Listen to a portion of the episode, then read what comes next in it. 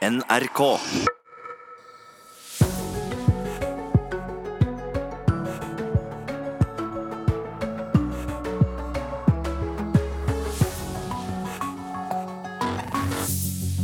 God morgen, det er 1. oktober, og dette er noen av de tingene vi er opptatt av i Nyhetsmorgen i dag. Det er 70 år siden Mao Zedong og det kinesiske kommunistpartiet tok over makten i Kina i dag, og det markeres med store militærparader i Beijing. Jeg tror det har pågått en stund, pågår eh, likt fremover også. Vi skal direkte til den kinesiske hovedstaden ganske straks. Karsten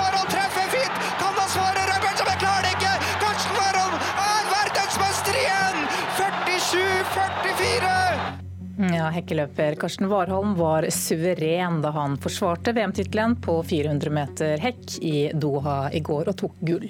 Og nå slipper du å gå rundt med førerkortet i vesken eller lommeboken eller glemme det fra begge steder, fordi fra og med i dag så kan du få førerkortet ditt på mobilen. Da gjelder det bare å ikke glemme mobilen. like langt. Ja. Og Nyhetsmorgen får du i dag med Birger Kolsrud Jaasen og Anne Jetlund Hansen i studio. En enorm militær parade ispedt flere tusen fredsduer har i dag markert at det kinesiske kommunistpartiet har sittet ved makten i Kina i 70 år. Det var 1.10.1949 at daværende leder av Kinas kommunistparti, Mao Zedong, gjorde klart hvem som nå styrte landet.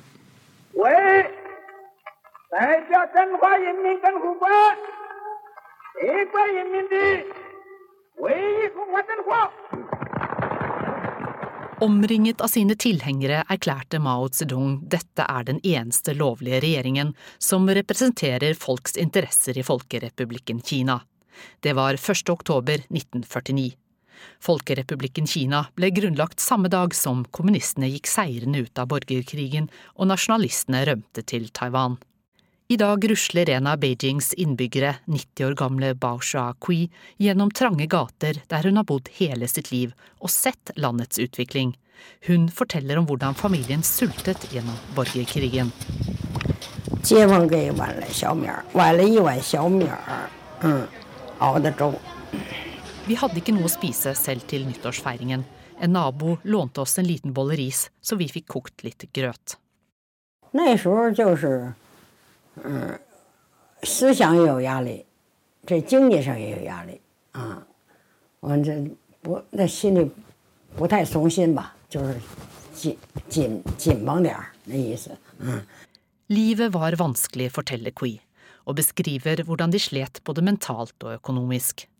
Kui er en av Kinas 1,4 milliarder innbyggere som har gjennomgått perioder med enorme endringer i løpet av 70 år med kommunistisk styre. Det en gang så utarmede og krigsherjede landet har vokst til verdens nest største økonomi. Men mellom der har millioner av innbyggere dødd, nettopp på grunn av politikken som ble ført.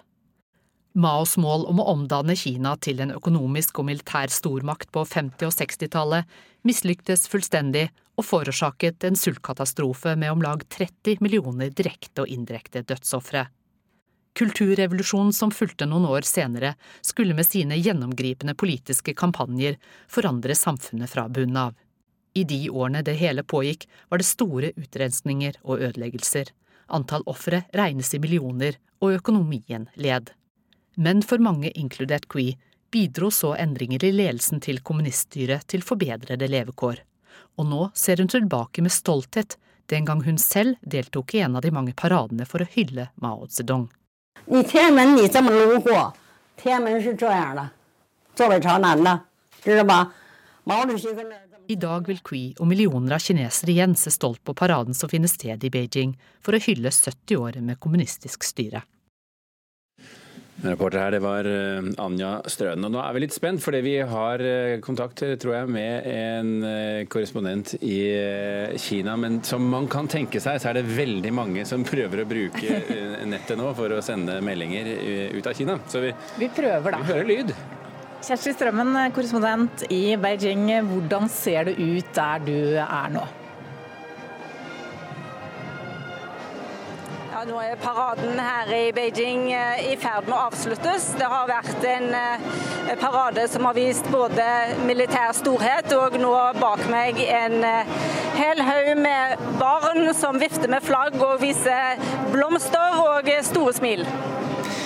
Hva er det kineserne har vist frem i denne militærparaden? Ja, Kina har jo for vane å ha slike store militærparader når eh, de fyller runde år, og det har de òg altså hatt i dag. I dag er det sju tiår siden kommunistpartiet etablerte makten her for folkerepublikken her i, i, Kina. Og i dag er det Xi Jinping som har vist seg fram i åpen bil, slik eh, ledere før han har gjort. Og de har òg i dag vist frem nytt militært utstyr, bl.a. en overvåkingsdrone som eh, går veldig veldig mye raskere enn vi har sett før. Og eh, de har vist fram en eh, langdistanserakett, atomrakett, som er den mest langtrekkende verden har sett. Men Kina understreker at selv om de viser frem sine militære muskler, så ønsker de å uh, formidle til verden at Kina ikke har onde hensikter, men ønsker fred for seg selv og resten av verden. For Xi Jinping holdt jo også tale under markeringen. Hva var det han la vekt på der? Han legger vekt på de eh, store fremskrittene Kina har hatt i løpet av denne perioden kommunistpartiet har eh, styrt landet. Eh, han viser til at mange mennesker er, har fått det mye mye bedre i Kina enn de har hatt tidligere. Samtidig så er de klar over utfordringene. Og Han viser også til at de ønsker da, ro og stabilitet også når det gjelder Hongkong, og at de ønsker en fredelig løsning med Taiwan, som jo eh, markerer seg eh, som et sted som er under kinesisk, eller Kina mener tilhører Kina, men som ønsker selvstendighet. Og I dag vet vi òg at eh, i Hongkong så har de anstrengt seg mye, disse demonstrantene vi har sett i løpet av sommeren, for å få oppmerksomheten på sin side og bort fra denne eh, gledesseremonien som Kina har prøvd å vise frem i dag. Hvordan er vaktholdet og sikkerhetstiltakene i dag? Ja, sikkerhetstiltakene har eh, vært ganske strenge. I eh, går så måtte jeg eh, dra fra stedet jeg bor, midt i Beijing, fordi at vi fikk vite at de stengte ned hele området. Og folk som er turister i området har måttet enten holde seg inne i hotellet i hele dag og kommer til å være på hotellet helt til klokka tolv midnatt i dag, og måtte gjøre det da siden i går. Eller så ble de rett og slett fortalt om å forlate hotellet og finne seg en annen plass å god. Og vi har vært eh, her pressekorpset i dag på beina siden eh, halv fire i dag morges og gikk gjennom sikkerhetskontroller eh, halv fem for å være her på paraden som begynte klokken ti i dag. Så det er et veldig veldig stort sikkerhetsoppbud her i Beijing. Og denne eh, Markeringen skjer altså på plassen som for mange i Vesten i alle fall er mest kjent for studentopprøret i 1989, men det blir kanskje ikke nevnt eh, i dag? Ikke nevnt i dag. Men jeg må jo si at det er vanskelig å ikke tenke på dette som førte altså til en massakre da demonstranter eh, var her på Den himmelske fredsplass og talte styresmaktene midt imot. Da tror jeg rett og slett vi mistet eh, kontakten med korrespondent Kjersti Strømmen, eh, som altså følger markeringene i eh, Beijing. Teknisk sett over all forventning, vil jeg si. Det var jo store utfordringer her, men vi klarte å komme oss nesten helt i havn uten problemer.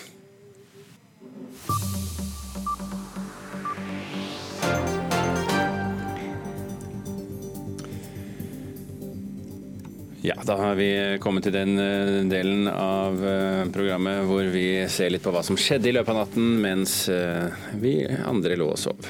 I natt så ble det plassert ut ekstra politi i Hongkong. Det er altså ventet demonstrasjoner under feiringen av 70-årsdagen for opprettelsen av Folkerepublikken Kina. Feiringen den har som vi hørte, inneholdt en enorm militærparade, og Kinas president Xi Jinping holdt eh, tale under markeringen. Myndighetene har lagt ned forbud mot demonstrasjoner i Hongkong i dag, men eh, det er altså ventet bråk likevel. Donald Trump skal nylig ha lagt press på Australias statsminister Scott Morrison for å få hjelp til å sverte Russland-granskingen og stille seg selv i et bedre lys. Det melder avisen The New York Times. Samtalen regnes som et nytt eksempel på at USAs president utnytter diplomatiet til mulig personlig vinning. Og Den amerikanske justisdepartementet bekreftet eh, i natt at presidenten har snakket med statsministeren i Australia og flere andre statsledere, men sier at det skjedde på vegne av og etter forespørsel fra USAs justisminister William Barr. I natt kom nyheten om at den store operadivaen Jesse Norman er død, 74 år gammel. Sangeren, som er blitt kalt Luciano Pavarottis kvinnelige motstykke, var omgitt av sine nærmeste da hun døde av komplikasjoner knyttet til en ryggmargsskade hun pådro seg i 2015. Norman var stor Kirsten Flagstad-fan og mottok, mottok i karrieren sin bl.a. fire Grammy-priser. Normans opptredener var preget av et veldig fysisk nærvær, ikke minst fordi hun var 1,90 meter høy på strømpelesten. En stor sangerinne i mer enn én betydning. Og Her er noe av det vi følger med på i NRK Nyheter i dag, og som du kan eh, få med deg hvis du følger med på oss. Selvsagt følger vi med på markeringen av Kinas første 70 år som folkerepublikk, ikke minst pga. disse varslede demonstrasjonene i Hongkong. Men vi holder også selvsagt i hvert fall ett øye med regjeringsforhandlingene i Østerrike. Østerrikes folkeparti under ledelse av statsminister Sebastian Kurz skal møtes for å diskutere hva de nå skal gjøre etter det spennende valget, og så holder de en pressekonferanse sånn omtrent klokken 13, hvis alt går som planlagt. Det andre øyet det holder vi på det konservative partiet i Storbritannia, som fortsetter sitt landsmøte i Manchester. Brexit vil bli en sentral sak i dag, men det er ikke sikkert at de blir enige. Partiet er preget av splittelse etter at statsminister Boris Johnson ekskluderte 21 parlamentsmedlemmer som stemte mot brexit-planene hans. Skal vi videre til det som skjedde i Doha i går kveld. Karsten Warholm eh, tok i går Norges første VM-gull der, da han løp eh, inn til seier på 400 meter hekk. Og det var en svært lykkelig sunnmøring som forsvarte VM-gullet fra London. Ja, Karsten Warholm i gang fra bane fire. Stormer i gang nå. Det er en kanonåpning. Han flyr over den første hekken og trøkker til. Men også Ray Benjamin er bra på de første meterne. Han følger Warholm nesten. Åpner tøft er da Warholm som alltid. Så må han finne flyfarten nedover her. Og Ray Benjamin er bare litt etter, men Karsten Warholm har den beste starten. Så går de inn i de to avgjørende siste 100 meterne. Over nok en hekk. Han har festet grepet på dette Karsten Warholm. Så går Ray Benjamin bra i denne fasen, men han har litt å hente på. Karsten Warholm over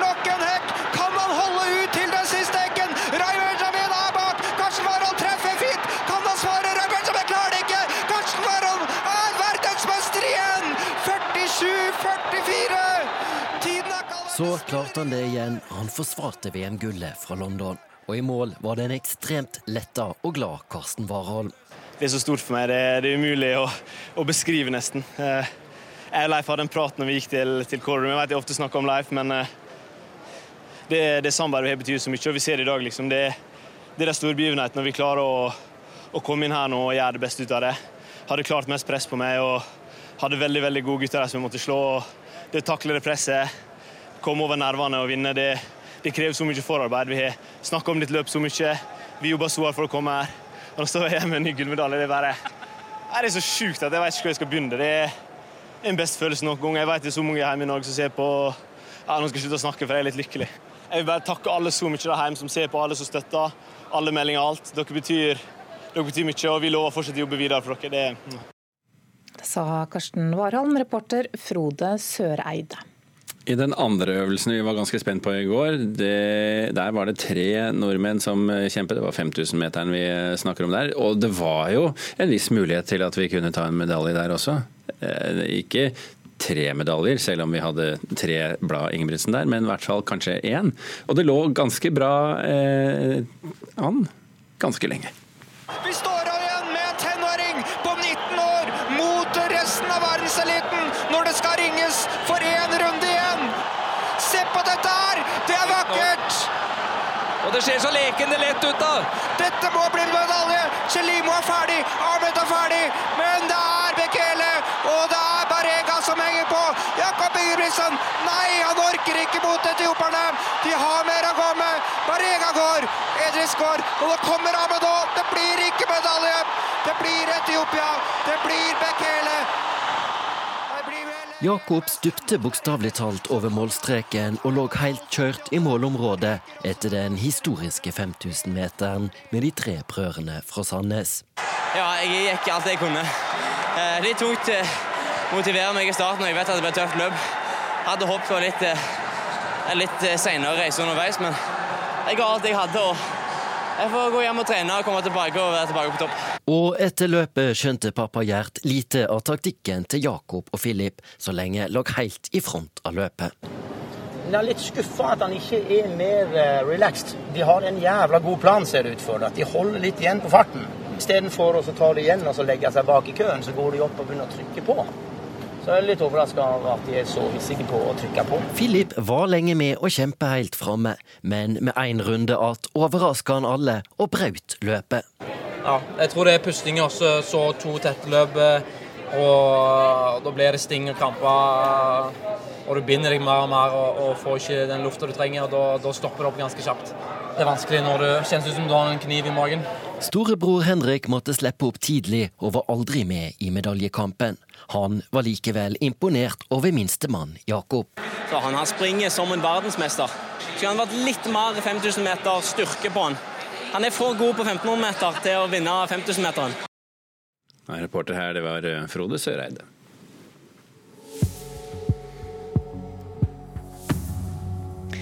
«6.46 er klokka blitt. Du lytter til Nyhetsmorgen i NRK. Dette er hovedsakene våre. En enorm militær parade markerer Kinas nasjonaldag i dag. I Hongkong er det plassert ut ekstra politi for å hindre demonstrasjoner. Hekkeløper Karsten Warholm tok Norges første VM-gull i Doha i går kveld. Og operasangeren eh, Jesse Norman er død, 74 år gammel.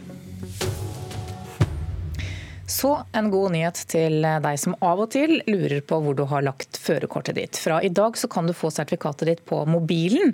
Statens vegvesen har nå laget en app for digitalt førerkort, og dette kan i den daglige kjøringen innenlands erstatte lappen du ellers har hatt i lommeboka eller i veska.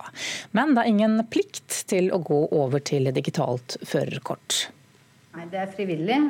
Sånn at eh, du velger selv om du vil aktivere det digitale, men det forutsetter at du har et, eh, et fysisk førerkort. Og det er i tillegg gratis. Det sier Synnøve Vebostad, leder av førerkortkontoret i Vegdirektoratet. Vi har erfart at du av og til eh, kan være uheldig å få en bot på 500 kroner dersom du har glemt førerkortet hjemme, og det er det egentlig ingen grunn til. Ja, jeg har faktisk fått lov å tjuvstarte på en dummy-versjon, men med samme dette blir tilgjengelig, så kommer jeg til å være en av de første til å få på plass dette, ja. Det sa til slutt samferdselsminister Jon Georg Dale. Reporter Birgitte Vågenes Bakken, og vi skal ha mer om dette her etter klokka sju. Mm.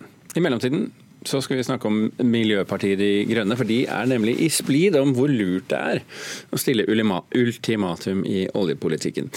I dag har partiet et vedtak som sier at de ikke kan sitte i en regjering som åpner nye oljefelt. Men stortingspolitiker og førstelektor ved BI, Per Espen Stoknes, han tar nå til orde for å droppe slike absolutte krav. Fordi at jeg tror det er viktig å gå inn i regjeringsforhandlinger med ganske åpne kort. Eh, hvor målet er å få til mest mulig CO2-utslippsreduksjon i et litt større perspektiv enn bare norsk sokkel. Per Espen Stoknes er førstevara til Stortinget for MDG, og nå mener han at partiet må velge en ny kurs for å få regjeringsmakt. MDG har et vedtak om at de ikke kan sitte i en regjering som åpner nye oljefelt. Dersom gjennomslagene i regjeringsforhandlingene er gode nok, så bør en kunne gå vekk ifra det, sier Stoknes. Så f.eks. hvis vi kunne ha fått et vedtak om at eh, la oss si 25 eller 30% av oljefondet skulle brukes til fornybarinvesteringer i utviklingsland, som eh, da får sjanse til å erstatte fossil energibruk, så vil det ha en mye større klimaeffekt enn at vi skal la være å gå inn i regjering pga. at eh, noen få oljefelt kanskje skal utlyses. Punktet om å stille oljeultimatum er noe av grunnen til at bl.a. LO er skeptiske til å la MDG sitte i regjering med Arbeiderpartiet. Men nasjonal talsperson Arild Hermstad er ikke klar til å høre på Stoknes og droppe kravet. Det vedtaket vi gjorde i 2017, det står fast. Eh, og alt tyder på at det blir en dårligere og dårligere idé eh, å drive med oljeleiting og utvikling av nye felt eh, i fremtiden. Så jeg mener at det er noe som vi ikke skal fire på. Det foregår en diskusjon også i fagbevegelsen om hva som er riktig standpunkt, og jeg er sikker på at det standpunktet vi har er det rette for Norge også i fremtiden og han får støtte av leder i Oslo MDG, Einar Wilhelmsen, som mener at det er viktig å hindre utbygginga av nye oljefelt. Dersom vi skal nå klimamålene, og dersom vi skal avvikle oljenæringa, så er det lite klokt å åpne nye oljefelt.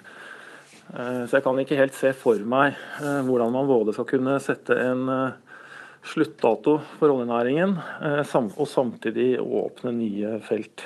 Men Per Espen Stoknes, som til daglig jobber som førstelektor på BI i Oslo, mener at ultimatum ikke er veien å gå.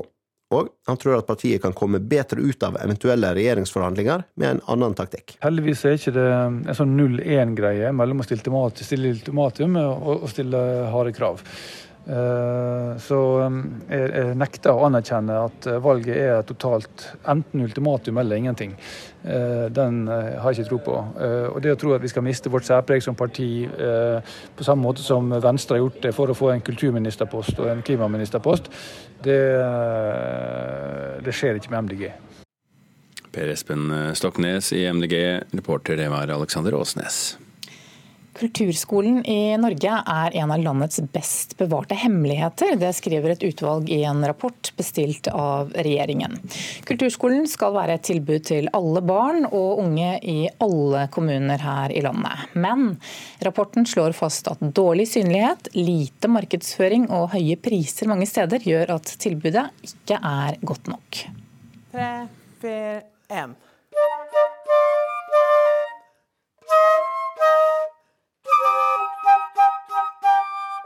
Kulturskolen i Norge, som f.eks. her på Nesodden, er usynlig, mangler politisk styring og er ikke for alle.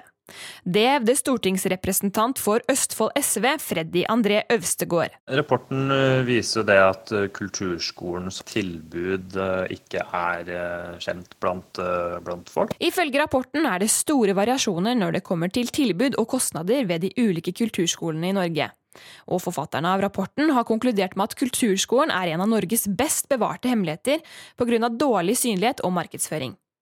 Øvstegård mener regjeringen så langt har vist liten vilje til å fremme nye tiltak for å løfte kulturskoletilbudet. Vi er nødt til å innføre en makspris på kulturskoleplass.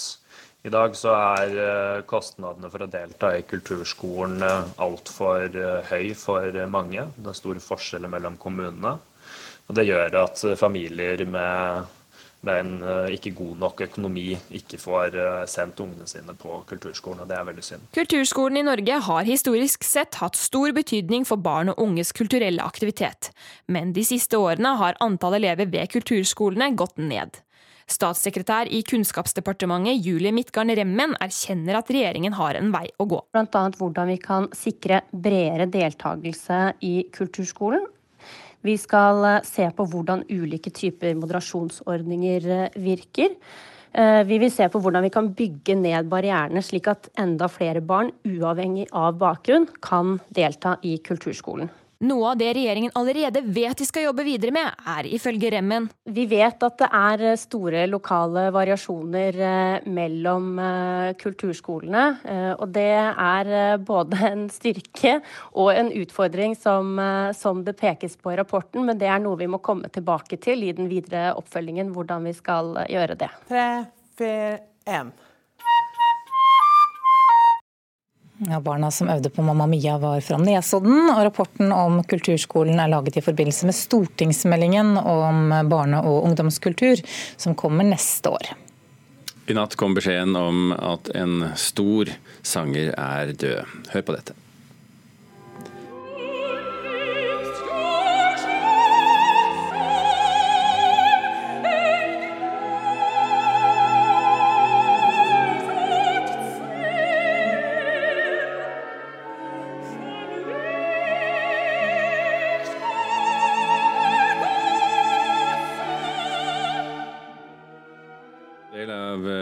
Richard Strauss' eh, siste og mest elskede verk, 'Fear Let's Leader', sunget av den verdenskjente operasangeren Jesse Norman.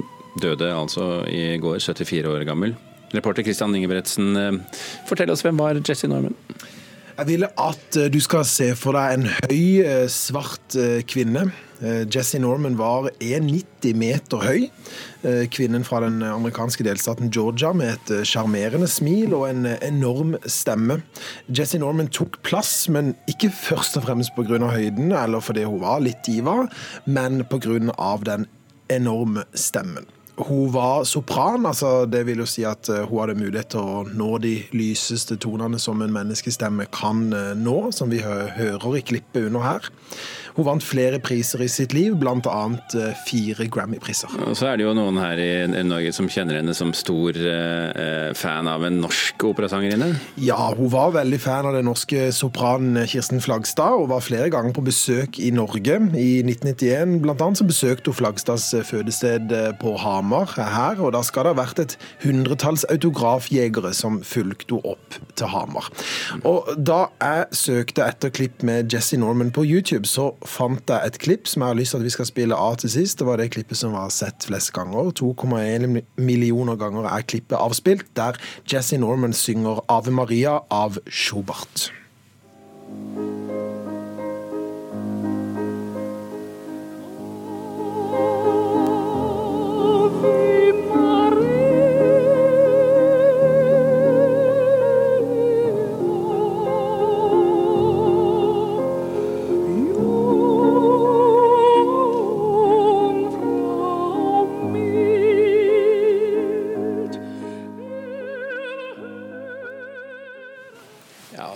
Er jo bare å ta med at det finnes flere klipp på YouTube, og det finnes flere klipp på Spotify og på, på Tinder, holdt jeg på å si. Hva heter det for noe?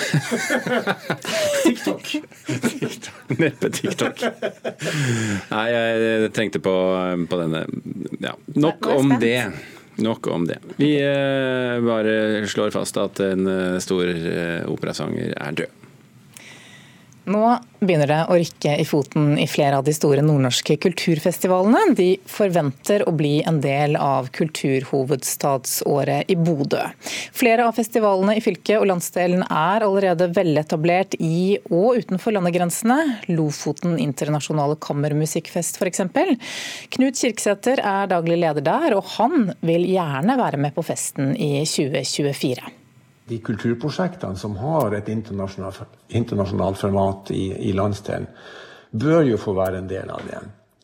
Uh, vi har absolutt noe som Bodø ikke har, for å si det sånn. Og, og sånn sett så trenger Bodø oss. Og, og, og, for oss vil det være flott å få, få, kunne bruke et sånt prosjekt også til å synliggjøre vårt prosjekt og vår festival enda mer. Vi har etablerte festivaler innenfor nesten alle sjangre i Nord-Norge. Sånn sett er mange av løypene allerede kjørt opp. Og for Bodø er det viktig å innlemme flere av de i kulturhovedstadsåret. Landsdelens største kulturfestival er Festspillene i Nord-Norge i Harstad. De og andre festivaler bør bli en del av dette her, sier markeds- og kommunikasjonssjef for Festspillene, Victoria Bakken. Nei, altså eh, Hvis Bodø skal bli en suksess, så tenker jeg at det er helt avgjørende at det, det store og sammensatte kunst- og kulturfeltet i Nord-Norge er sentral i gjennomføringa. Og, eh, og, den infrastrukturen som finnes, jo, den ligger jo der. Og, og, det er en åpenbar mulighet for Bodø å ta, ta del i det og, og bruke det til å, å, skape en fest som engasjerer hele Nord-Norge. Bodø som kulturhovedstad kan bli oppfatta som en kulturfest for Bodø by. Men lederen for Kulturhovedstadsprosjektet, Arne Vinje, slår fast at 2024 blir et kulturår der de veletablerte institusjonene som Festspillene, kammermusikkfest, teater osv. skal være en del av året. De representerer en kulturkvalitet og en kulturkompetanse som er helt nødvendig for at vi skal kunne Eh, presentere det beste vi har eh, av kultur, og også i dialog og i møte med andre europeiske samarbeidspartnere. Det er disse som både er med oss og så binder sammen dette kulturlandet som vi har. Altså, altså kulturlandet forståelse i forhold til og det at vi er nordpå. Reporter her, det var Helge Lingmo. Klokka nærmer seg sju. Det betyr at vi straks skal ha Dagsnytt. Etter det får vi bl.a. besøk av eldreministeren. Og vi skal snakke om eh, eldre og arbeidsliv.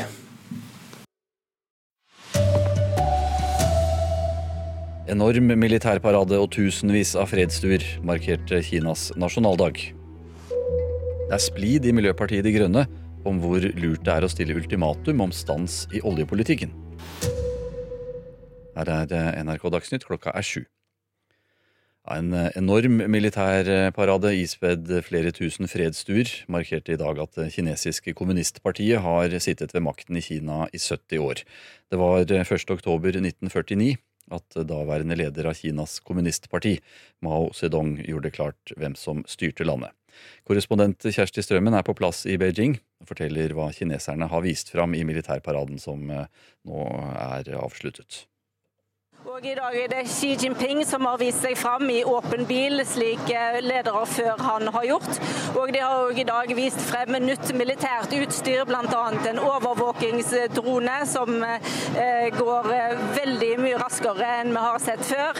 Og de har vist frem en langdistanserakett, atomrakett, som er den mest langtrekkende verden har sett. Men Kina understreker at selv om de viser frem sine militære muskler, så ønsker de å eh, formidle til verden at Kina ikke har onde hensikter, men ønsker fred for seg sjøl og resten av verden. Sa korrespondent Kjersti Strømmen. I Miljøpartiet De Grønne er det splid om eh, hvor lurt det er å stille ultimatum om stans i oljepolitikken.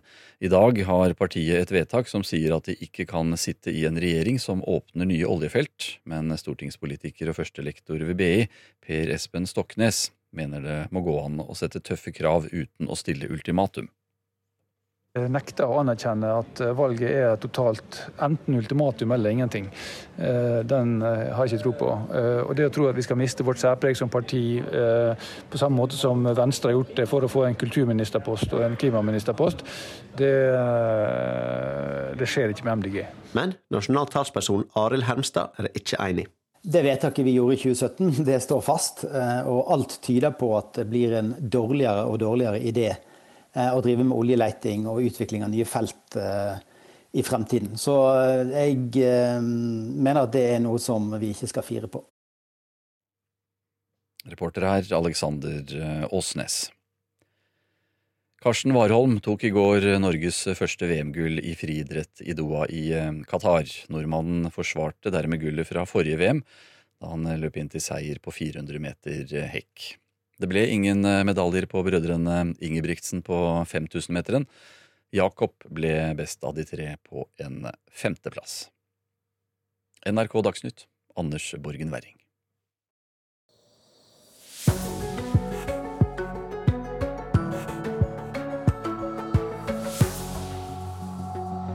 Klokka tre minutter over sju, så fortsetter Nyhetsmorgen med disse sakene.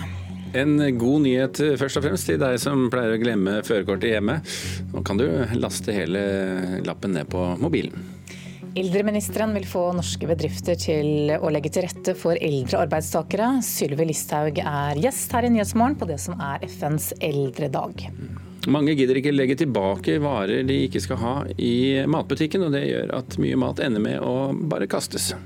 Og Karsten Warholm tok gull og forsvarte VM-tittelen i Doha i går kveld. Vi skal direkte til hjemkommunen Ulsteinvik om noen minutter. Men aller først, nå kan du få førerkortet ditt på mobilen, for i dag lanserer Statens vegvesen en app for digitalt førerkort. En av dem som ikke går rundt med lommebok og derfor kommer til å laste ned den appen, det er Tristan Troy Rasai, som er i ferd med å ta lappen. Det syns jeg er veldig deilig, fordi jeg mister ting hele tiden. For Tristan og andre sjølverklærte rotekopper blir det nå litt enklere å sørge for at førerkortet er med på biltur. I dag lanserer nemlig Statens vegvesen en applikasjon for førerkortet, som gjør at du kan ha det med deg på smarttelefonen. Vi er klare, er vi ikke det? Tristan skal ha kjøretime, og håper at han snart vil ha sertifikat. Da vil han definitivt nytte den nye løsninga. Til og med hjemme så har vi ikke nøkler heller. Vi bruker også kode på døra vår. Og jeg betaler jo det meste med Apple-penger nå. og alt med mobilen. Og det å ha en mindre ting å ta vare på, er egentlig ganske deilig. Men det er kanskje ikke så deilig for bestefar, bestemor. Nei, det er frivillig. Sånn at eh, du velger selv om du vil aktivere det digitale, men det forutsetter at du har et, eh, et fysisk førerkort. Og det er i tillegg gratis. Det sier Synnøve Vebostad, leder av førerkortkontoret i Vegdirektoratet. Det gjøres tilgjengelig både på AppStore og på Google Play. Eh, Det betyr at du da kan gå inn der og laste ned appen. Hun forklarer at en med førerkort på mobil alltid vil ha oppdaterte opplysninger. Vi har erfart at du av og til eh, kan være uheldig å få en bot på 500 kroner eh, dersom du har glemt førerkortet hjemme. Og det er det egentlig ingen grunn til i, i den eh, tidsepoken vi lever i i dag. Ja, jeg har faktisk fått lov å tjuvstarte på en dummy-versjon, men med samme dette blir tilgjengelig, så kommer jeg til å være en av de første til å få på plass dette. ja. Det sier samferdselsminister Jon Georg Dale. Eh, Og med å ha digitalt førerkort tilgjengelig på telefonen, så slipper du jo plagsomme ting som bøter, f.eks., for, eksempel, for å ha glemt igjen førerkortet hjemme hvis du har med deg mobilen. Og det gjør små, enkle grep for folk i hverdagen. Sjøl om han kommer til å nytte appen på mobilen i hverdagen, vil kjøreskoleelev Tristan gjerne ha et fysisk førerkort også. Jeg tror jeg kommer til å ha det fysisk bare for å vise det til venner. For det er ikke så kult å vise på mobilen. Og det er andre grunner til at han bør ha det, i alle fall enn så lenge, forteller Vebostad i Vegdirektoratet. Så er dette bare et nasjonalt produkt. altså Det betyr at du kan ikke kjøre til Sverige med det digitale førerkortet. Så jeg tenker at eh, i den sammenheng så må du iallfall være sikker på at du ikke trenger det for å dra andre steder. Så rotekopp eller bare digitalt hoved. Nå har du i alle fall høve til å ha førerkortet på mobilen. Så gjelder det bare å bestå den oppkjøringa, da. Eh, Jeg tror jeg er ganske flink til å kjøre, men eh, hvor lenge, det får vi se med trafikklæreren min. Nå skal vi bort til et stille område her, rett baki. Så skal vi kjøre rute deretter. Reporter her, det var Birgitte Vågnes eh, Bakken. I dag så markeres FNs eldredag på forskjellig vis over hele verden. Men på forskjellig vis, selvsagt. Det er altså forskjell på å være gammel i Uganda og å være gammel i Norge, selvfølgelig. Hos oss ønsker nå eldreminister Sylvi Listhaug å få norske bedrifter til å bli bedre til å legge til rette for eldre arbeidstakere, bl.a. ved å sørge for at de også får delta på kurs for å utvikle sin kompetanse. Sylvi Listhaug, god morgen. God morgen. Hvorfor er det viktig å legge bedre til rette for eldre arbeidstakere? Det er fordi at vi trenger arbeidskrafta framover. Vi trenger at folk står lenger i jobb. Vi trenger å ta vare på de ressursene som mange personer med lang erfaring fra arbeidslivet kan bidra med. Og I dagens arbeidsmarked så er det sånn at utviklinga går så raskt at det er viktig hele tida å fylle på med kunnskap eh, for å greie å henge med i svingene. Men hva er det bedriftene spesifikt skal eh, bidra med? Men det å sørge for å også satse på de eldre arbeidstakerne. Eh, sørge for at de også får gå på kurs, får oppdatere seg, får eh, de verktøyene som er nødvendige for at de skal kunne gjøre en god jobb videre også. Vi har jo fått et samfunn der dette med livslang læring er viktig for alle. og Det betyr at vi hele tida er nødt til å utvikle oss og lære nye ting for å greie å henge med. Men- men så for jeg- samfunnet er det viktig. Nå ser jeg for meg at det er mange som, som trekker et litt sånn skrekkslagent sukk og lurer på når skal jeg ikke få lov til å slutte å jobbe snart? Det er jo opp til den enkelte å velge dersom man kommer i- i den alderen og har den, en lang nok arbeidsfartstid i arbeidslivet til å kunne trekke seg tilbake.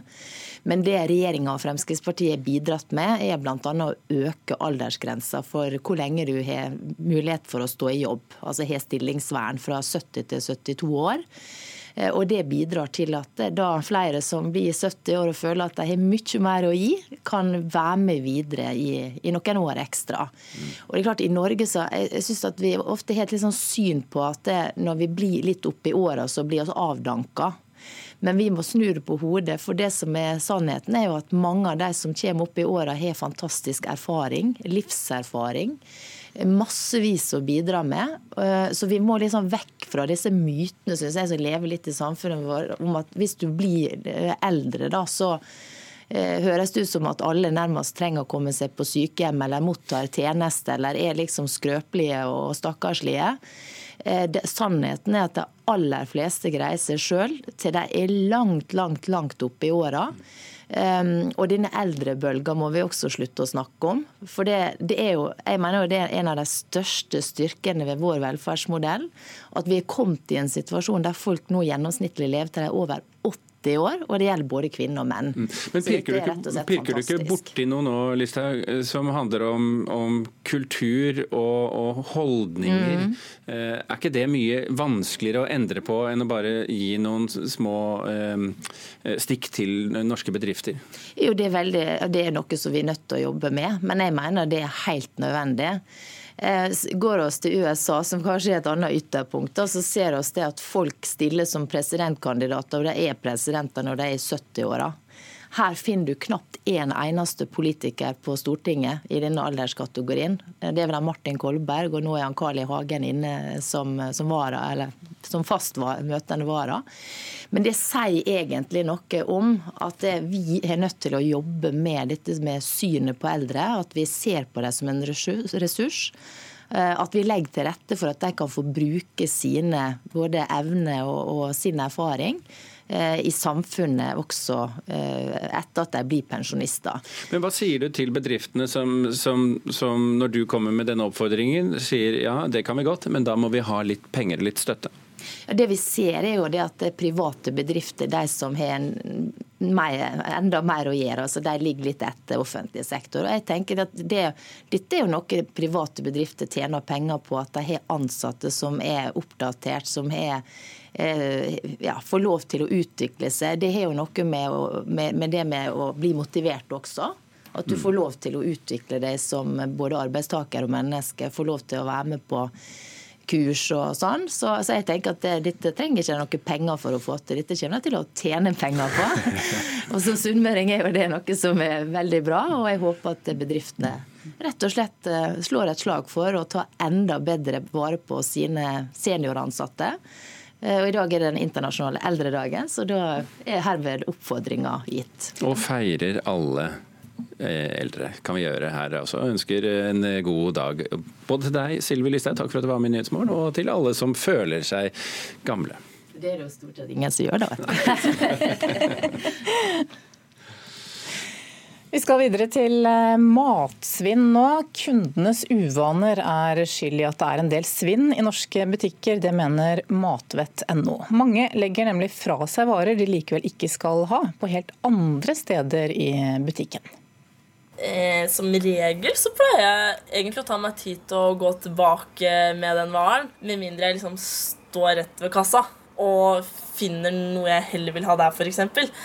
Men som regel så går jeg tilbake og setter den på plass. Det sier Hedda Hansen.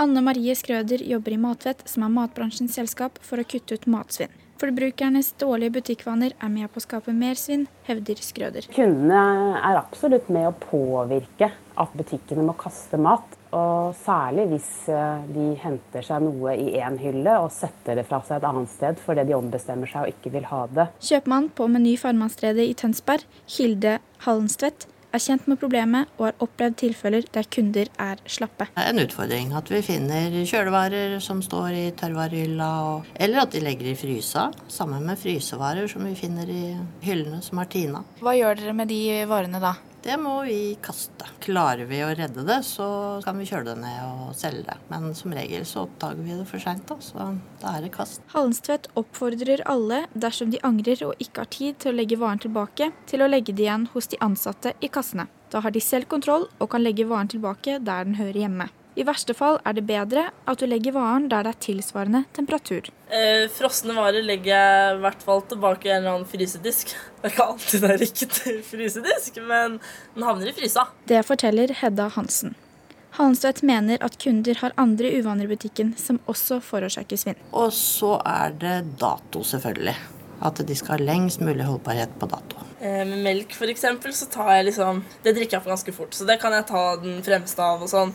Men eh, jeg har litt sånn tvang på å ta f.eks. posesuppe som er litt lenger bak også. Enda de holder mye lenger. Men jeg er flink til å kildesortere, da, så det veier litt opp. Hallenstedt og Skrøder har tenkt ut noen tiltak butikkene kan gjøre for å hindre svinn som følge av kunders dårlige oppførsel. Vi kan jo gjøre en stor jobb i butikken i forhold til det å finne varene før de går ut på dato, lage gode priser på det, selge det billigere til forbruker. Skulle gjerne hatt mer kommunikasjon med kunden i butikk, nettopp om hvordan kunden kan oppføre seg bedre. Er du singel, ta med meg hjem. altså sånn litt morsomme budskap for at folk skal velge de single bananene. Skal du uh, drikke melken i dag, ta den som går ut først på dato. Ikke legg fra deg uh, matvarer du har hentet i ferskvaredisken i godtehyllen f.eks. Da må vi kaste den. Og reporter her, det var um, Grete Elisabeth Nomeland.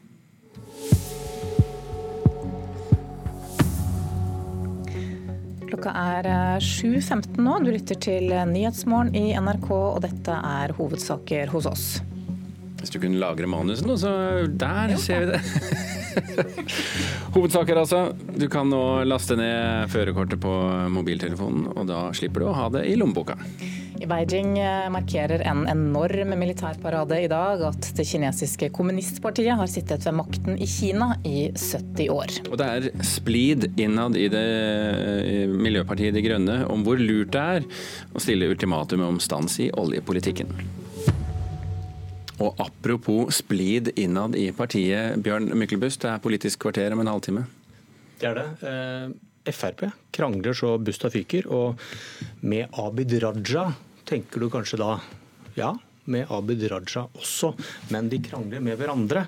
Eh, stortingsrepresentanter kaller hverandre feige, spør kan vi tilhøre samme parti. Dette er nå boblet i overflaten, dette er jo ting vi har snakket om før, men eh, Men hva er temaet? Hva, liksom, hva er det de krangler mest om? De krangler om en Facebook-post om Greta Thunberg og klimasaken. Det var det noen som ikke, ikke likte i Frp, og der står frontene. Disse stortingsrepresentantene. En, en Facebook-post som sa som, som, endte med en, en nettavstemning. Er klimasaken bare tull, eller brenner jorda opp? Ja. ja. Det var det da noen i partiet som mente at uh, dette var flaut. Dette var bare tull. Dette var mobbing av Greta Thunberg. Og da fikk man kanskje da synliggjort litt ulike sider av dette partiet. Ting som vi har snakket om før, men som nå liksom da boblet opp til overflaten. Og Hvilke personer skal du ha i, i panelet i dag? Jeg skal ikke ha Per-Willy Amundsen og Åshild Brun Gundersen, som begge sitter på Stortinget for Frp. De vil ikke komme. Det er da kranglefantene. Ja, det er de du gjerne ville hatt. Ja, så vi får noen mer sobre analytiske hoder kvart på åtte som skal analysere dette når de selv ikke vil komme. Mm. Ok, Bjørn Myklebust, Politisk kvarter kvart på åtte. Nå skal vi til noe av det som skjedde i Doha i Qatar i går. Karsten Warholm forsvarte sitt VM-gull i går kveld og viste enda en gang finalekonkurrentene ryggen på 400 meter hekk. Warholm innfridde enorme forventninger, også sine egne. Kan han holde ut til den siste hekken? Åh, jeg hadde hjertet i halsen. nå. Det kjentes seriøst ut som hjertet mitt skulle stoppe over tiendekken her. Altså, jeg... Karsten Warholm er verdensmester igjen! Jeg grovt så dypt. Jeg sa at Leif i dag kommer til å grave dypere enn noen gang gjort. Spiller ingen rolle! Som første nordmann forsvarer gullet! Jeg var så sliten. Og det var bare jobbe på, fokus. Verdensmesteren er ikke i tvil om hvem som fortjener det meste av æren for den enorme suksessen. Treneren. Altså, Uten han så ville det aldri vært noen gullmedalje i dag. Så hele Norge og alle som syns det her var gøy, bør, bør takle Olav Alnes. Um, og vi, vi er et drømmelag som som jeg tror er en veldig sjelden konstellasjon. Det sa Karsten Warholm. Reportere her var Vibeke Unnhjem og kommentator Jan Post. Trond Berg, tidligere leder i klubben til Karsten Warholm Dimna IL, velkommen til Nyhetsmorgen. Takk for det. Hva skal vi si om den prestasjonen vi så i går kveld? Prestasjoner var ikke bare Karsten som eh, holdt på å stoppe hjertet på i går. Eh, det er en fantastisk prestasjon der eh, oss satt alle i Sjøborg kulturhus og fulgte med spenning. Ja, Kan du si litt mer om, om hva som skjedde der? På Kulturhuset i Sjøborg så var Dimna IL eh, invitert til stor fest. Eh, og Det er jo noe som kjennetegner Karsten og teamet hans. Eh, og Gratulerer til Karsten og teamet, må vi benytte anledningen å si. For det er klart at de er flinke til å dele. Og det å dele den suksessen og dele det fellesskapet og dele den opplevelsen det er å gjøre det sammen, det er det det handler om. Og Hvordan ble resultatet da tatt imot både i Dimna IL og i Ulsteinvik i går kveld? Det er klart at eh, det, er, det var nok mange som trodde og mente at Karsten var helt klart burde kunne klare et gull. Eh, men også mange som vet hvor små marginer det er. Og klart at det gjør eh, opplevelsen og det gjør prestasjonen enda mer imponerende. Og Det er ikke første gang Warholm eh, løper i VM. Hvordan var finalen i går sammenlignet med da han ble verdensmester for to år siden, i 2017? Det, det, går ikke an å sammenligne noen av de tingene, fordi at det, det, er, så, altså, det, det, er et nytt løp hver gang. Og den opplevelsen som var i går, eh, det er at eh, Karsten var flink til å dele og si Han sier bl.a. ikke 'ei', men han sier 'oss'. Han tar med teamet sitt. Han sier at dette er noe som han gjør den største jobben på, men så er han òg flink til å dele med andre. Og Den opplevelsen kjente oss i går, og det jubelen sto selvsagt i taket. Det er jo ikke bare bare da, å forsvare en eh, VM-tittel to år etter? Det er på ingen måte sjølsagt, og det er jo få som har gjort det før han. Og vi kan ikke ta det som sjølsagt at det skal skje igjen. Det ligger enormt med arbeid bak. Og eh, det er små marginer som eh, gjør at det fort kan eh, være Det er ingenting som kan tas som sjølsagt, i hvert fall. Du kjenner jo Warholm fra Dimna IL i tiden før han slo igjennom. Hvor tidlig ble det klart at dere hadde et helt spesielt talent hos dere? Jeg er litt usikker på akkurat årstallet. for Karsten var jo til dem som virkelig drev med breddeidrett lenge. Og han var jo sjukjemper til han kom opp på seniornivå. Var jo tikjemper eh, lenge. Så dette er å bruke bredden Han hadde jo et stort talent eh, i flere idretter.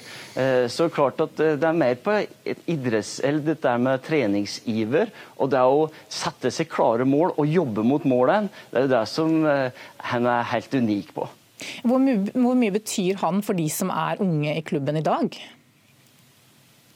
Eh, klart Karsten er et flott forbilde. og Det at han bruker og er flink til å si det er oss som får til sammen. Eh, det er Karsten som legger ned den største jobben.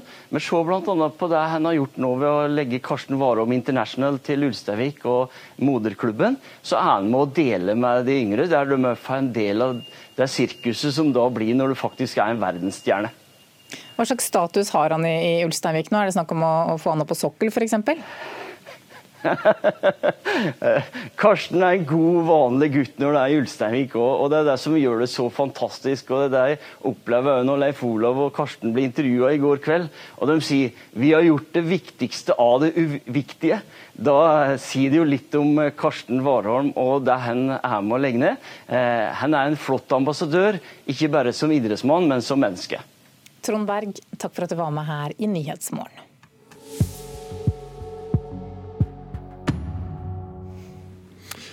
Perus president Martin Viscara oppløste i går den lovgivende forsamlingen i landet, der opposisjonen har flertall. Presidenten har lenge anklaget nasjonalforsamlingen for å trenere hans forsøk på å få bukt med korrupsjonen i Peru. Ante la denegación fáctica de la confianza y en respeto irrestricto de la constitución política del Perú, he decidido disolver constitucionalmente el Congreso y llamar a elecciones de congresistas de la República. Med tanke på den manglende tilliten og respekten for grunnloven i Peru, har jeg bestemt meg for å oppløse Kongressen og skrive ut nyvalg. Det sa en tydelig alvorstynget president i Peru, Martin Viskara i en TV-sendt tale i natt. Beslutningen kom etter at opposisjonen som har flertall i den lovgivende forsamlingen, gjennomførte en kontroversiell avstemning der nesten alle medlemmene av landets grunnlovsdomstol ble byttet ut. Etter talen strømmet folk ut i gatene for å støtte presidenten.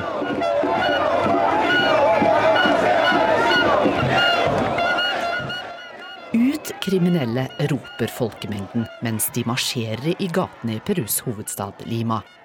Det er mange som ønsker å velge nye medlemmer til den lovgivende forsamlingen i landet. Presidenten har lenge anklaget nasjonalforsamlingen for å trenere hans forsøk på å få bukt med korrupsjon i Peru.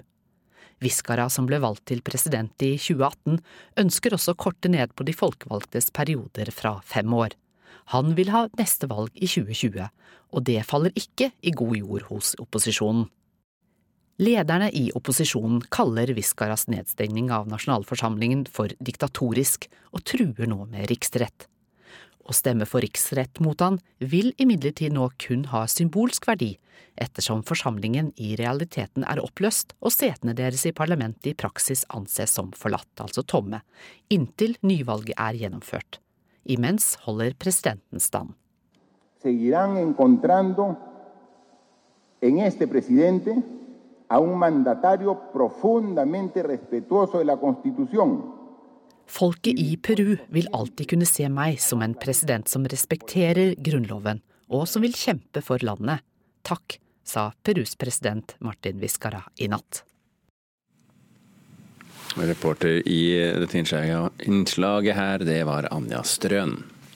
I desember skal Hardangerbadet til 300 millioner kroner stå ferdig i Øystese i Hordaland. Et omdiskutert prosjekt både økonomisk og innholdsmessig. Folk i Kvam kommune har vært skeptiske, men noen også begeistret. Og noen har til og med åpnet egne lommebøker for å støtte prosjektet. Ja, skal du begynne å bade nå? Ja. ja. I taxien er det spesielt ett tema som kommer opp om dagen. Det må være gode tilhøve nå med helårssåpebad og terapibasseng og det som hører med. Så. Rett ved Hardangerfjorden, på tomta til det gamle hotellet i Øystese, har et splitter nytt og digert bygg reist seg. Taxisjåfør Hallgeir Torpe har satsa egne penger for å få et helt nytt tilbud i bygda. Så det der terapibadet det tror jeg er en god, eh, god investering. Om Hardangerbadet går med underskudd, har Kvemmingen forplikta å betale 12 000 kroner i året i ti år. Det viser jo til at det var jo vanskelig å, å, få, å få, nok offentlige midler til å, til å, få dette her opp og gå sånn som så eh, prosjektet lå føre. Og så har noen bidratt med aksjekapital, og noen har bidratt med å stille garanti for eventuelle underskudd. Og en er jo tydeligvis kommet i mål til slutt. For badet står nå der snart. Det er vondt om å få en ny aktivitet, og at uh, dette vet jeg, noe som mine unger kan få glede av, og jeg sjøl kan ha glede av, og at det kan være det beste for bygda. Ordfører i Kvam herad, Jostein Jones, er imponert over innbyggerne. Lokalsamfunnet har stilt opp. Det er et skikkelig dugnadsprosjekt. der uh, Folk har virkelig brydd seg for å få skape dette som vi nå ser. Oppe på fundamentet til tremeteren står ordføreren og tørrtrener på teknikken før åpninga. Ut og så et skikkelig svalestup. Det er målet. Ta skikkelig fart her, rett ut i bassenget. I midten av desember skal Hardangerbadet stå klart, og de første badegjestene kan stupe i bassenget. Det er en drøm. Det er en eh, det er en visjon som blir eh, virkelighet. Helsepark, bade- og svømmeanlegg, hotell og visningssenter for lakseoppdrett skal anlegget til 300 millioner kroner romme. Det er en stor investering, kanskje den største investeringen som har vært i Hardanger i eh, den type tilbud. Ja. Men prosjektet kunne blitt et mageplask. Rådmannen advarer, og kvemmingene var skeptiske. En avtale med Helse Bergen om å samle helsetjenester i Hardangerbadet kom først når bygget nesten var ferdig. Jeg har jo hatt trua på det, men det er klart det har vært spennende om vi faktisk eh, klarte å få en finansiering og klarte å få de med til å ta disse tjenestene her. Men jeg er veldig glad for at de gjør det. Du må òg av og til ta noen sjanser. Men vi følte at dette prosjektet her, det var trygt. Det var gode buffere i prosjektet som gjorde at vi var ikke avhengig av at hele bygget var utleid fra dag én. Nå er hele bygget utleid. Det blir full aktivitet i hele bygget.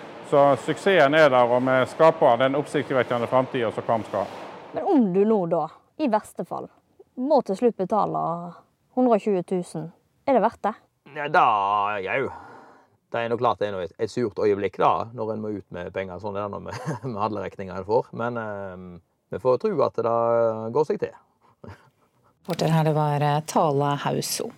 Klokka nærmer seg 7.30. Det betyr at vi skal eh, ha Dagsnytt eh, straks. Anders Borgen Werring sitter klar her.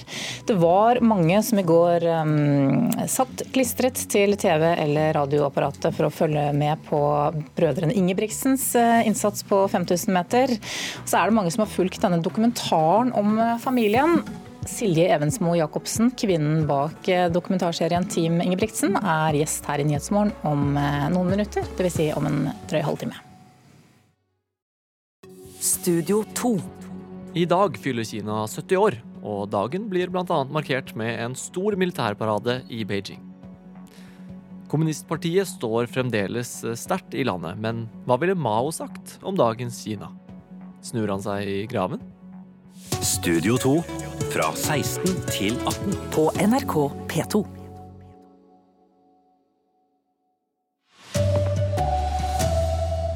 Fredsstuer og store militære muskler i skjønn forening når Kina feirer nasjonaldag. Hekkeløper Karsten Warholm takker treneren etter VM-gullet i Doha. Og god nyhet til alle rotekopper. Nå kan du laste ned førerkortet på mobiltelefonen. Her er NRK Dagsnytt, klokka er 7.30. En eh, enorm militærparade ispedd eh, flere tusen fredsstuer markerte i dag at det kinesiske kommunistpartiet har sittet ved makten i Kina i 70 eh, år. Korrespondent Kjersti Strømmen, en militær maktdemonstrasjon er ord som brukes om paraden. Hva slags militært utstyr er det som har blitt vist fram? Ja, Kina har i dag prøvd å vise frem eh, sitt eget produserte utstyr. Kina blir jo i stadig større eh, grad eh, flinkere til å produsere sitt eget. De har vært veldig avhengig av Russland når det gjelder militært utstyr, men står nå på egne bein på stadig flere fronter. De har i dag vist frem en missil, en atomdrevet missil, som er altså den langt, mest langtrekkende man har sett. Og man har også vist frem en drone som går veldig veldig raskt og som skal kunne overvåke. Og Dette skal være utstyr som Kina har produsert selv. De blir stadig flinkere på å produsere bl.a. missiler. Men så har de ikke bare brisket seg med militære muskler? Nei, dette er jo òg en eh, stor eh, fest, og eh, som er svært viktig for Xi Jinping. Han ønsker å bruke dette også som en samlende fest for folket, selv om veldig mange faktisk er innestengt i sine hjem i dag. Det er store deler av Beijing som er helt avstengt, fordi at man har jo transport av viktige personer og militært utstyr som skulle ned til sentrum av Beijing. og Derfor er det enkelte boligområder der man rett og slett ikke får lov å bruke biler. og nær sagt heller ikke være ute på gaten. Så, men her har det altså vært eh, etter denne militærparaden en eh, stor, eh, fargerik demonstrasjon av mennesker som er veldig glade med masse blomster og duer og ballonger, for å demonstrere at Kina har utvikla seg veldig mye siden kommunistpartiet tok makten for 70 år siden og i positiv retning. og Dette er noe Xi Jinping i veldig stor grad ønsker å dvele ved. Ikke minst kanskje fordi at Kina nå står overfor store utfordringer. og Det er derfor viktig at eh, nasjonen kan samles rundt eh, en sånn eh, gledens dag som Xi Jinping i dag prøvde å vise. Takk skal du ha, Kjersti Strømmen direkte fra Beijing. Norge bør takke denne mannen, sier Norges ferske verdensmester Karsten Warholm, og peker på trener Leif Olav Alnes. Warholm innfridde alle så på forventninger da han stormet inn til VM-gullet på 400 meter hekk i friidretts-VM i Doha. Det kunne aldri skjedd uten treneren, mener verdensmesteren selv. Altså, det var helt sykt. Det, det vil at man kan. Jeg skal bare gi den mannen en klem. Et intervju må avbrytes. Karsten Warholm har nettopp fått øye på det han mener er mannen bak gullmedaljen. En klem er uunngåelig.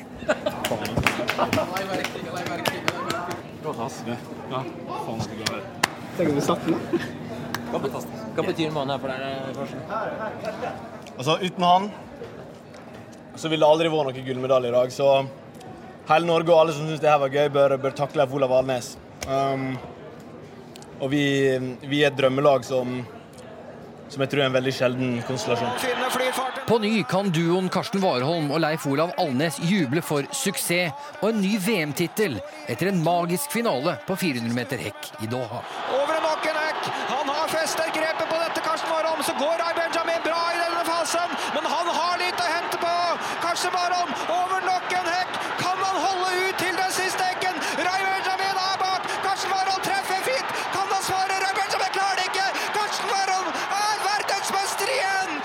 Åh, jeg hadde hjertet i halsen og Det kjentes seriøst ut som hjertet mitt skulle stoppe over tiandekken her i dag. Altså, jeg, jeg grov så dypt. Jeg sa til Leif i dag kommer jeg til å grave dypere enn noen gang gjort. Hvis hjertet mitt stoppa i det, da skulle du vite at jeg var lykkelig mens det skjedde. Og jeg var helt sjuk når jeg kom over siste hekken her. altså. Jeg var så sliten. Men på sitt aller mest slitne, metere fra å forsvare tittelen fra London, finner Warholm både kreftene og troen han gir én mann æren for at det er der. Det er så stort for meg. Det er, det er umulig å, å, beskrive, nesten. Eh, jeg og Leif hadde en prat når vi gikk til, til Kårum. Jeg vet jeg ofte snakker om Leif, men eh, det, det samarbeidet har betydd så mye. Og vi ser det i dag, liksom. Det, det er den store begivenheten når vi klarer å, å, komme inn her nå og gjøre det beste ut av det. Hadde klart mest press på meg og hadde veldig veldig gode gutter der som vi måtte slå. Det å takle det presset, komme over nervene og vinne, det, det krever så mye forarbeid. Vi har snakka om ditt løp så mye. Vi jobber så hardt for å komme her. Og nå står jeg med en ny gullmedalje. Det er bare det er så sjukt at jeg vet ikke hvor jeg skal begynne. Det er det føles så godt. Jeg gjør det for oss. Det er en kred når den indre lagfølelsen vi har her, det er så, er så deilig. Det er helt sinnssykt. Altså, nybakte verdensmester Karsten Warholm og Ingebrigtsen-brødrene gjorde det ikke så bra på 5000-meteren i går. Best av de tre det ble Jakob på femteplass. Reporter her, Thomas Lerdal.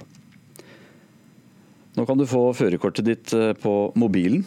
For i dag lanserer Statens vegvesen en app for digitalt førerkort. En av dem som ikke går rundt med lommebok og derfor må, kommer til å laste ned appen, det er Tristan Troy Rasai som er i ferd med å ta lappen. Det syns jeg er veldig deilig, fordi jeg mister ting hele tiden. For Tristan og andre sjølverklærte rotekopper blir det nå litt enklere å sørge for at førerkortet er med på biltur. Vi er klare, er vi ikke det? Tristan skal ha kjøretime, og håper at han snart vil ha sertifikat. Da vil han definitivt nytte den nye løsninga. Til og med hjemme så har vi ikke nøkler heller. Vi bruker altså kode på døra vår. Og det å ha en minneting å ta vare på er egentlig ganske deilig. Nei, det er frivillig. Sånn at eh, du velger selv om du vil aktivere det digitale, men det forutsetter at du har et, eh, et fysisk førerkort. Og det er i tillegg gratis. Det sier Synnøve Vebostad, leder av førerkortkontoret i Vegdirektoratet. Det gjøres tilgjengelig både på AppStore og på Google Play. Eh, det betyr at du da kan gå inn der og laste ned appen. Hun forklarer at en med førerkort på mobil alltid vil ha oppdaterte opplysninger. Vi har erfart at du av og til eh, kan være uheldig å få en bot på 500 kroner eh, dersom du har glemt førerkortet hjemme, og det er det egentlig ingen grunn til. Ja, jeg har faktisk fått lov å tjuvstarte på en dummy-versjon, men med samme dette blir tilgjengelig, så kommer jeg til å være en av de første til å få på plass dette. Ja. Det sier samferdselsminister Jon Georg Dale. Det er sånn at Hvis du blir stoppa i en hvilken som helst eh, lett kjøretøykontroll f.eks., så bruker jeg mobilen fra og med i dag når tjenesten blir gjort tilgjengelig. Eh, jeg tror jeg er ganske flink til å kjøre, men uh, hvor lenge, det får vi se med trafikklæreren min. Nå skal vi bort til et stille område her, rett baki. Reporter her eh, var Birgitte Vågnes Bakken. Storbritannias statsminister Boris Johnson vil levere sitt utkast til plan for brexit for EUs ledelse i løpet av dagen. Det skriver avisa The Daily Telegraph. Ifølge avisa så kommer det bl.a. forslag om løsning på striden rundt eh, irskegrensa. I Miljøpartiet De Grønne er det splid om hvor lurt det er å stille ultimatum i oljepolitikken. I dag har partiet et vedtak som sier at de ikke kan sitte i en regjering som åpner nye oljefelt, men stortingspolitiker og førstelektor på BI, Per Espen Stoknes, tar nå til orde for å droppe slike absolutte krav. Fordi at jeg tror det er viktig å gå inn i regjeringsforhandlinger med ganske åpne kort. Eh, hvor målet er å få til mest mulig CO2-utslippsreduksjon i et litt større perspektiv enn bare norsk sokkel. I dag har MDG et vedtak som sier at de ikke kan sitte i ei regjering som åpner nye oljefelt. Første vara til Stortinget for MDG, Per Espen Stoknes, mener at en bør droppe dette kravet for å søke regjeringsmakt. Men nasjonal talsperson Arild Hermstad er ikke enig. Det vedtaket vi gjorde i 2017, det står fast. Eh, og alt tyder på at det blir en dårligere og dårligere idé eh, å drive med oljeleiting og utvikling av nye felt eh, i fremtiden. Så eh, jeg eh, mener at det er noe som vi ikke skal fire på. Men Per Espen Stoknes mener at en fremdeles kan stille tøffe krav uten å sette ultimatum. Jeg nekter å anerkjenne at valget er totalt enten ultimatum eller ingenting. Eh, den eh, har jeg ikke tro på. Eh, og det å tro at vi skal miste vårt særpreg som parti på samme måte som Venstre har gjort det for å få en kulturministerpost og en klimaministerpost, det, det skjer ikke med MDG. Reporter her, Alexander Åsnes. Det er eh, mye snø på flere av fjellovergangene i Sør-Norge nå. På Hjerkinn på Dovre f.eks. Der har det kommet 20 eh, cm snø i løpet av natten. og Det fører til eh, store utfordringer i trafikken. Statens vegvesen oppfordrer i den forbindelse om at folk som skal ut og kjøre på fjellovergangene, bør, eller kanskje må, ha vinterdekk. Arild Svalbjørg har ansvaret for NRK Dagsnytt i dag. Jeg heter Anders Borgen Werring.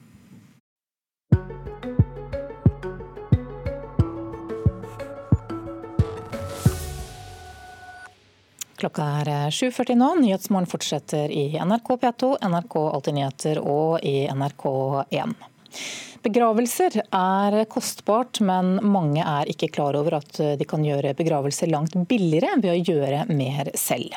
Det sier tidligere prest Kjell Bjørka, som bl.a. foreslår at familien både kan lage kiste og ta hånd om transporten. Bjørka mener det kan være bra for sorgarbeidet dersom pårørende tar tilbake en del av oppgavene fra begravelsesbyråene. Her inne i Olberg kirke i Noresund har prest Kjell Bjørka hatt mange gravferder. Nå er han pensjonist og prestevikar, men har fremdeles mye på hjertet. Han mener mange pårørende ikke vet at han ikke trenger å bruke byrå til alle oppgavene rundt ei gravferd. For Begravelsesbyråene de, de, gjør eh, et veldig fint arbeid som vi er mange som er glad for. Men eh, noen ganger så kan jeg få en følelse at de overtar, sånn at uh, folk som hadde hatt utbytte av å være aktivt med, å stelle den døde, lage i stand program, uh, ordne alle praktiske ting, tror det kunne vært et stort utbytte for, for mange. Nylig arrangerte Bjørka et folkemøte i Noresund sammen med representanter fra kommunen og kyrkja, bl.a. for å snakke om hvordan de pårørende kan ta tilbake gravferda. Lage og transportere kiste, pynte i kyrkja, melde dødsfall og arrangere minnesamvær er noen av oppgavene Bjørka mener en ikke må bruke et eh, gravferdsbyrå til. Altså om, om kista er snekra sammen av en hobbysnekker, eller om det er ei eh, fint produsert gullforgylt kiste, det er jo ikke det som eh, avgjør. Jan Willy Løken er administrerende direktør i Jølstad begravelsesbyrå, landets største. De er enige at det kan være bra for pårørende å ta mer del i gravferda. Den type involvering er bra fordi eh, godt praktisk arbeid rundt en gravferd ofte er veldig tett eh, linka på godt sorgarbeid. Men er ikke enige i at byrået har tatt mer over. Nei, siste årene tenker jeg nok at eh, det nesten har gått andre veien. At eh, de, de etterlatte, i hvert fall så langt de ønsker, nå, eh, i, i større grad eh, inviteres inn i det praktiske enn det man gjorde for kanskje 10-20-50 år siden. Bjørka reagerer òg på regninga de pårørende sitter igjen med etter ei gravferd, og mener det har blitt langt dyrere den siste tida. Blant annet er transport av kista ei stor utgift. Og bare sånn som å ta f.eks. Fra, fra Flåheimen til Flå kirke, som er godt under en kilometer. Det vil da i alt koste en rundt 12 000 kroner når da kista kommer fra et byrå enten eh, i Gol eller eh, Vikersund eller eh, hva enn det måtte være. Da blir det store summer, altså. Bransjedirektør i Virke gravferd, Gunnar Hammersmark, bekrefter at det har blitt dyrere de siste åra. Det det er, to, ting å si om det. Eh, at prisene har økt, eh, litt avhengig av hvor mange år du går tilbake, så er det riktig. Ja, priser øker i Grafheid, som det gjør i alle andre eh, bransjer. Generelt sett så vil jeg si at i møte med pårørende så ønsker byråene å legge til rette for å bidra med de varer og tjenester som pårørende ønsker. Og Det var nok også det inntrykket jeg satt igjen med etter møtet, dette folkemøtet som, som var på Noresund at både kirkens øvrige representanter og de pårørende som var der oppe, opplevde at dette var en, det er et godt tilbud det byråene gjør. Det viktigste for den tidligere presten i Flå og Krødsherad er uansett at vi blir flinkere til å snakke om det aller vanskeligste. Det kunne være godt om vi oppfordra folk til å snakke litt mer om eh, døden og, eh, og sorg. At det, jeg tror det, var, det er litt dumt for oss at vi ikke snakker med hverandre om det. Reporter her det var Gjermund Erikstein Midtbø.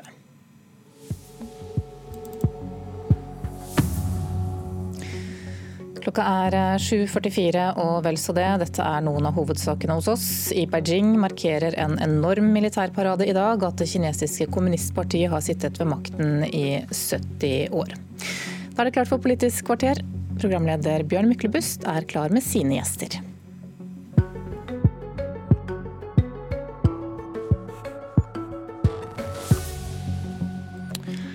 Et nytt stortingsår starter i dag. Fremskrittspartiet har varslet at de skal bli tøffere. Jeg tror ikke de mente mot hverandre. FrPs Per-Willy Amundsen kaller sin Frp-kollega på Stortinget Åshild Brun Gundersen feig og politisk korrekt.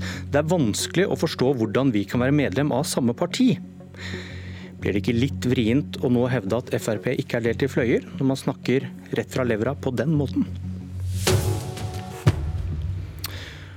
Og nå skulle jeg gjerne sagt velkommen til Politisk kvarter, Per-Willy Amundsen og Åshild Brun Gundersen. Men de var visst enige om i hvert fall én ting. Det ville de ikke. Og Bakgrunnen for de harde ordene er en Facebook-post om Greta Thunberg og klimasaken, skrevet av Carl I. Hagen, delt av Oslo Frp, der de ber folk flest klikke på påstanden de er mest enig i. Ja, klimahysteriet er tull. Eller nei, jorden brenner opp.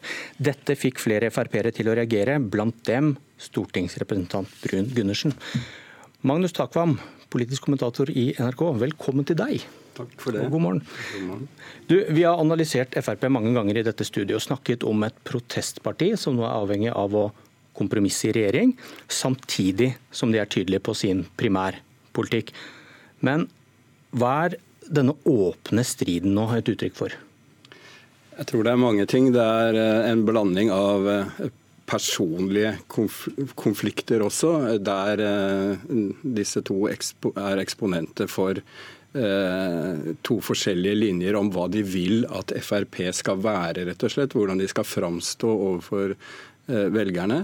Og så henger denne typen åpne konflikter også sammen med det enkle faktum at Frp har gjort et elendig valg og da kommer disse skal vi si, ulmende konfliktene som alltid har vært der, også i bedre tider, mer åpent fram. Da er det mer fritt fram, åpenbart, for, for den typen eh, knallhard, åpen personstrid i partiet. Tone Sofie Aglen, kommentator i VG. Full fyr i FrPs fløyer, skrev du i går. Hvorfor kommer de uenighetene som tidligere har ligget der, nå til overflaten på denne måten? Nei, Jeg tror nok at det har eh, bygd seg opp eh, over tid. Og så tror jeg nok at det er en eh, frustrasjon, særlig i den der liberale fløya, om vi kan kalle det det, over at særlig et par eh, politikere på Stortinget, jeg tenker da på nevnte Per-Willy Amundsen og Christian Tybring-Gjedde og til dels også Carl I. Hagen, eh, er politikere som står liksom på den andre ytterfløya, som skaper veldig mye uro, som kanskje også gir et litt sånn skeivt bilde av hvor Fremskrittspartiet står. Er stadig i klammeri med egen regjering, og jeg opplever at særlig de unge liberalistene, vi kan kalle dem det, nå kanskje ønsker å utfordre det her enda tydeligere for å få mer ro, for å få ny dynamikk i partiet, også for å utfordre sin egen partiledelse til å sette litt mer foten ned. Geir Ramnefjell, politisk redaktør i Dagbladet. Du fortalte meg i går at du mener det som har skjedd i Oslo kan forklare noe av dette. Forklar. Ja, Det som har skjedd i Oslo, er jo at eh, Frp fra før av har eh, slitt. Men med dette valget så ble det jo nærmest eh, marginalisert. altså 5,3% og det er det åttende største partiet i Oslo. Man ser at Oslo Høyre har fridd til MDG, og på den måten egentlig parkert Frp i, i hovedstaden. Og Da har de på en måte skapt et rom for kritikk av Frp i Oslo på en annen måte enn det man har tidligere. Tidligere så har det vel vært sånn at at eh, de representantene som vi har snakket om nå, har eh, kunnet få være representanter for ur-Frp-erne. Mens eh, nå skjønner jo de fleste i partiet, eller mange i partiet, at her, her må man kanskje sette, sette foten ned. og Da fikk man en god anledning i, i denne omgang, og det nådde helt fram i offentligheten. Men mener du da at dette er at man sentralt frykter at det samme skal skje der som har skjedd i Oslo? At man velges vekk av Høyre og de andre borgerlige? Altså, eh, Frp har jo eh, en politikk innenfor, eh, innenfor klimaområdet som, som, ofte havner i konflikt med regjerings, de andre regjeringspartnerne. Men da snakker man gjerne om bompenger, og i dag så er det jo noe nytt om drivstoffavgiften og sånne type ting.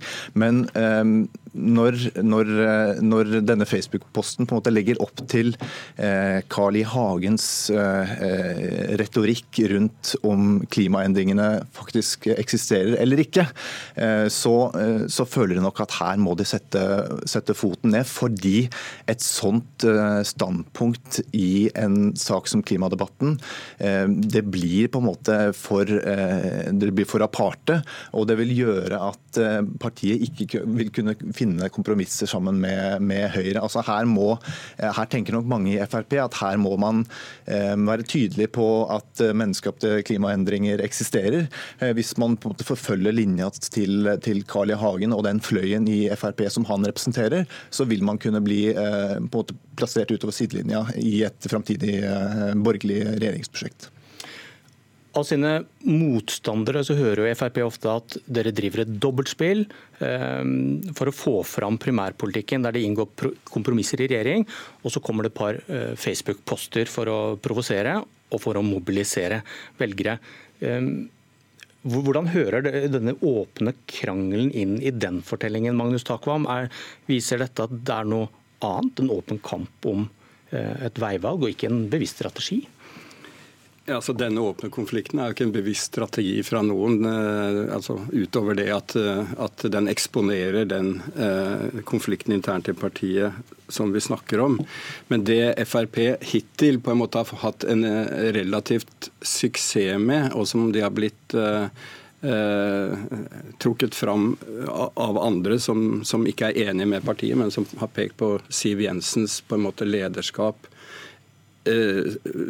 der, der, hun har tatt et, høye, et høyrepopulistisk parti inn i regjering og hatt suksess med det, er jo nettopp dette dobbeltspillet som, som, vi snakker om, som du snakker om.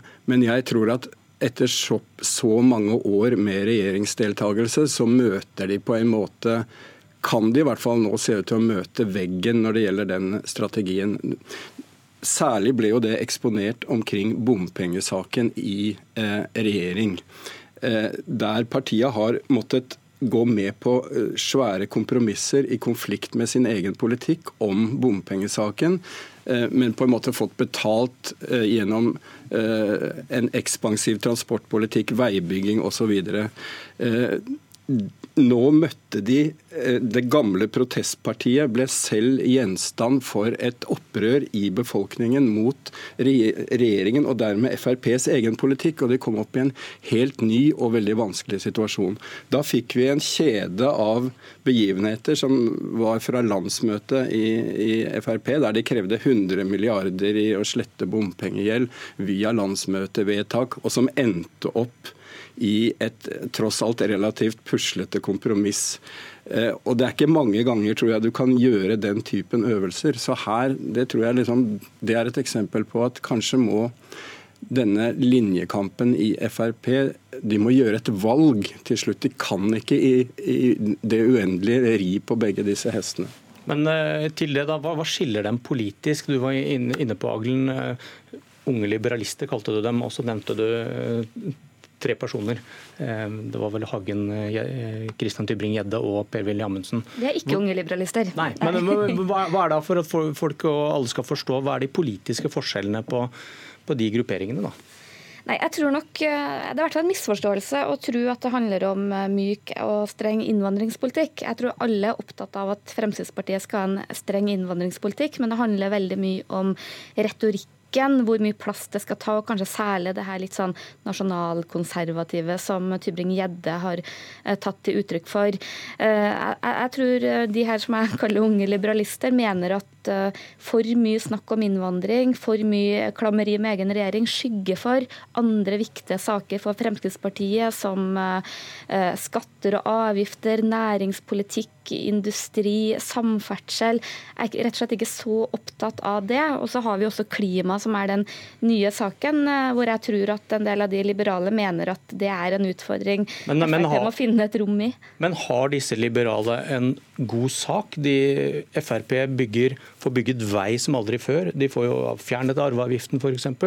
Mens når de går opp og er store, det er når innvandringsdebatten dominerer. Har, har ikke Per-Willy Amundsen rett? Eh, jeg tror Frp vet at innvandring er særdeles viktig for deres eh, kjernevelgere. Men så er det et spørsmål om eh, når nok er nok. Og det å bare fokusere på innvandring oppleves nok som å stå veldig i veien for andre ting. Jeg tror nok Hvis vi ser på utviklinga i de store byene, hvor kanskje særlig Oslo-laget har vært veldig opptatt av innvandring, har stagnert kraftig, falt og blitt veldig lite, mens Frp på Vestlandet, som er mye mer et sånn næring mot byråkrati og skatter og avgifter-parti har et helt annet vekstpotensial. Så jeg tror det handler kanskje litt mer om det, og også det å modernisere både politikken og stilen. Så jeg tror uh, det ikke er noen quick fix for, uh, for Frp eh, hvilken linje de skal, velge på, og samtidig holde en høy oppslutning om partiet. Eh, det er klart det er mange miljøer i Frp som nå, som, som, sikkert alle her har snakket med, som gjerne vil ha dette oppgjøret og på en måte konfrontere denne kjernen av det de ser på som ytterliggående miljøer i partiet, og da bli et mer moderne parti som også har appell til uh, yngre, utdannede mennesker i storbyene. Per Sandberg skrev vel en kronikk i den stilen for noen uh, måneder siden. Men dilemmaet er jo da at hva, hva slags parti skal Frp blir da? Da er jo faren der for at Eh, et miljø som aksepterer klimautfordringene på linje med, med, med alle andre, og som modererer seg, blir, blir uinteressant. Så det er, det, er, ingen enkel løsning for partiet, føler jeg. Kristin Clemet har skrevet at Siv Jensens bragd er at hun har klart å holde disse liberalistene og de hardeste innvandringsmotstanderne i ett parti. Eh, Ramnefjell, har hun rett?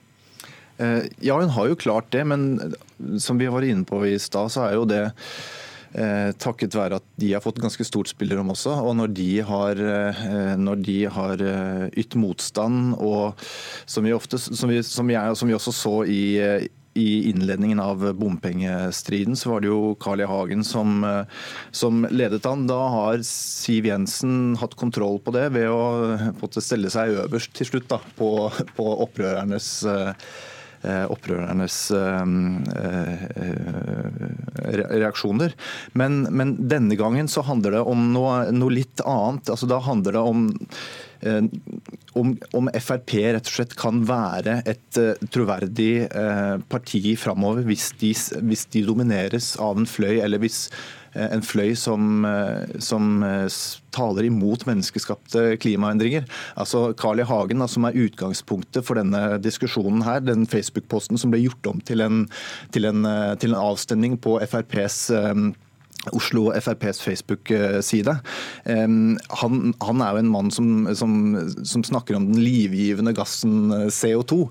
Og Det er jo på en måte en sånn, det er en sånn koko, det er en sånn koko-politikk som jeg tror at de fleste eh, forstår. Jeg tror de aller fleste i Høyre forstår, eh, og dermed har eh, orientert seg vekk fra Frp i hovedstaden. Og jeg tror også de aller fleste i Frp forstår at dette her er et standpunkt som vil være umulig for partiet å, å gi rom for i den videre debatten. Så det er vel et, forsøk på å parkere den type krefter eh, i partiet, eller, eller den type uttalelser. For um, man kan jo altså sånn um, Vil Frp bare bli et, et, parti som alle andre innenfor klimapolitikken? Man vil jo ikke det. For det klimapolitikken vil jo handle om store og små kamper om vindkraft, om bompenger, om ACER, om alle mulige andre saker hvor partiet kan uh, posisjonere seg annerledes. Men da må man på en måte legge noe til, til grunn, og det er f.eks la at CO2 i atmosfæren er et problem, og at menneskeskapte klimaendringer eksisterer. Jeg tror at denne debatten i Frp og den praksisen de har, vist, også skaper veldig store frustrasjoner i Høyre, partiet Høyre og deres ledelse.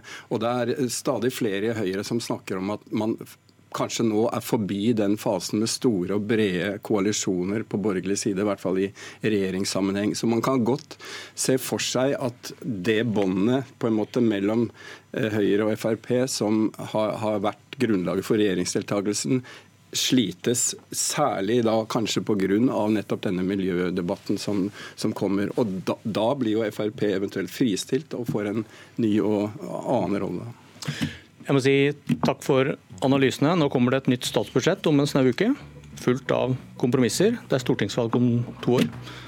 Dette var Et politisk kvarter. Jeg heter Bjørn Myklebust.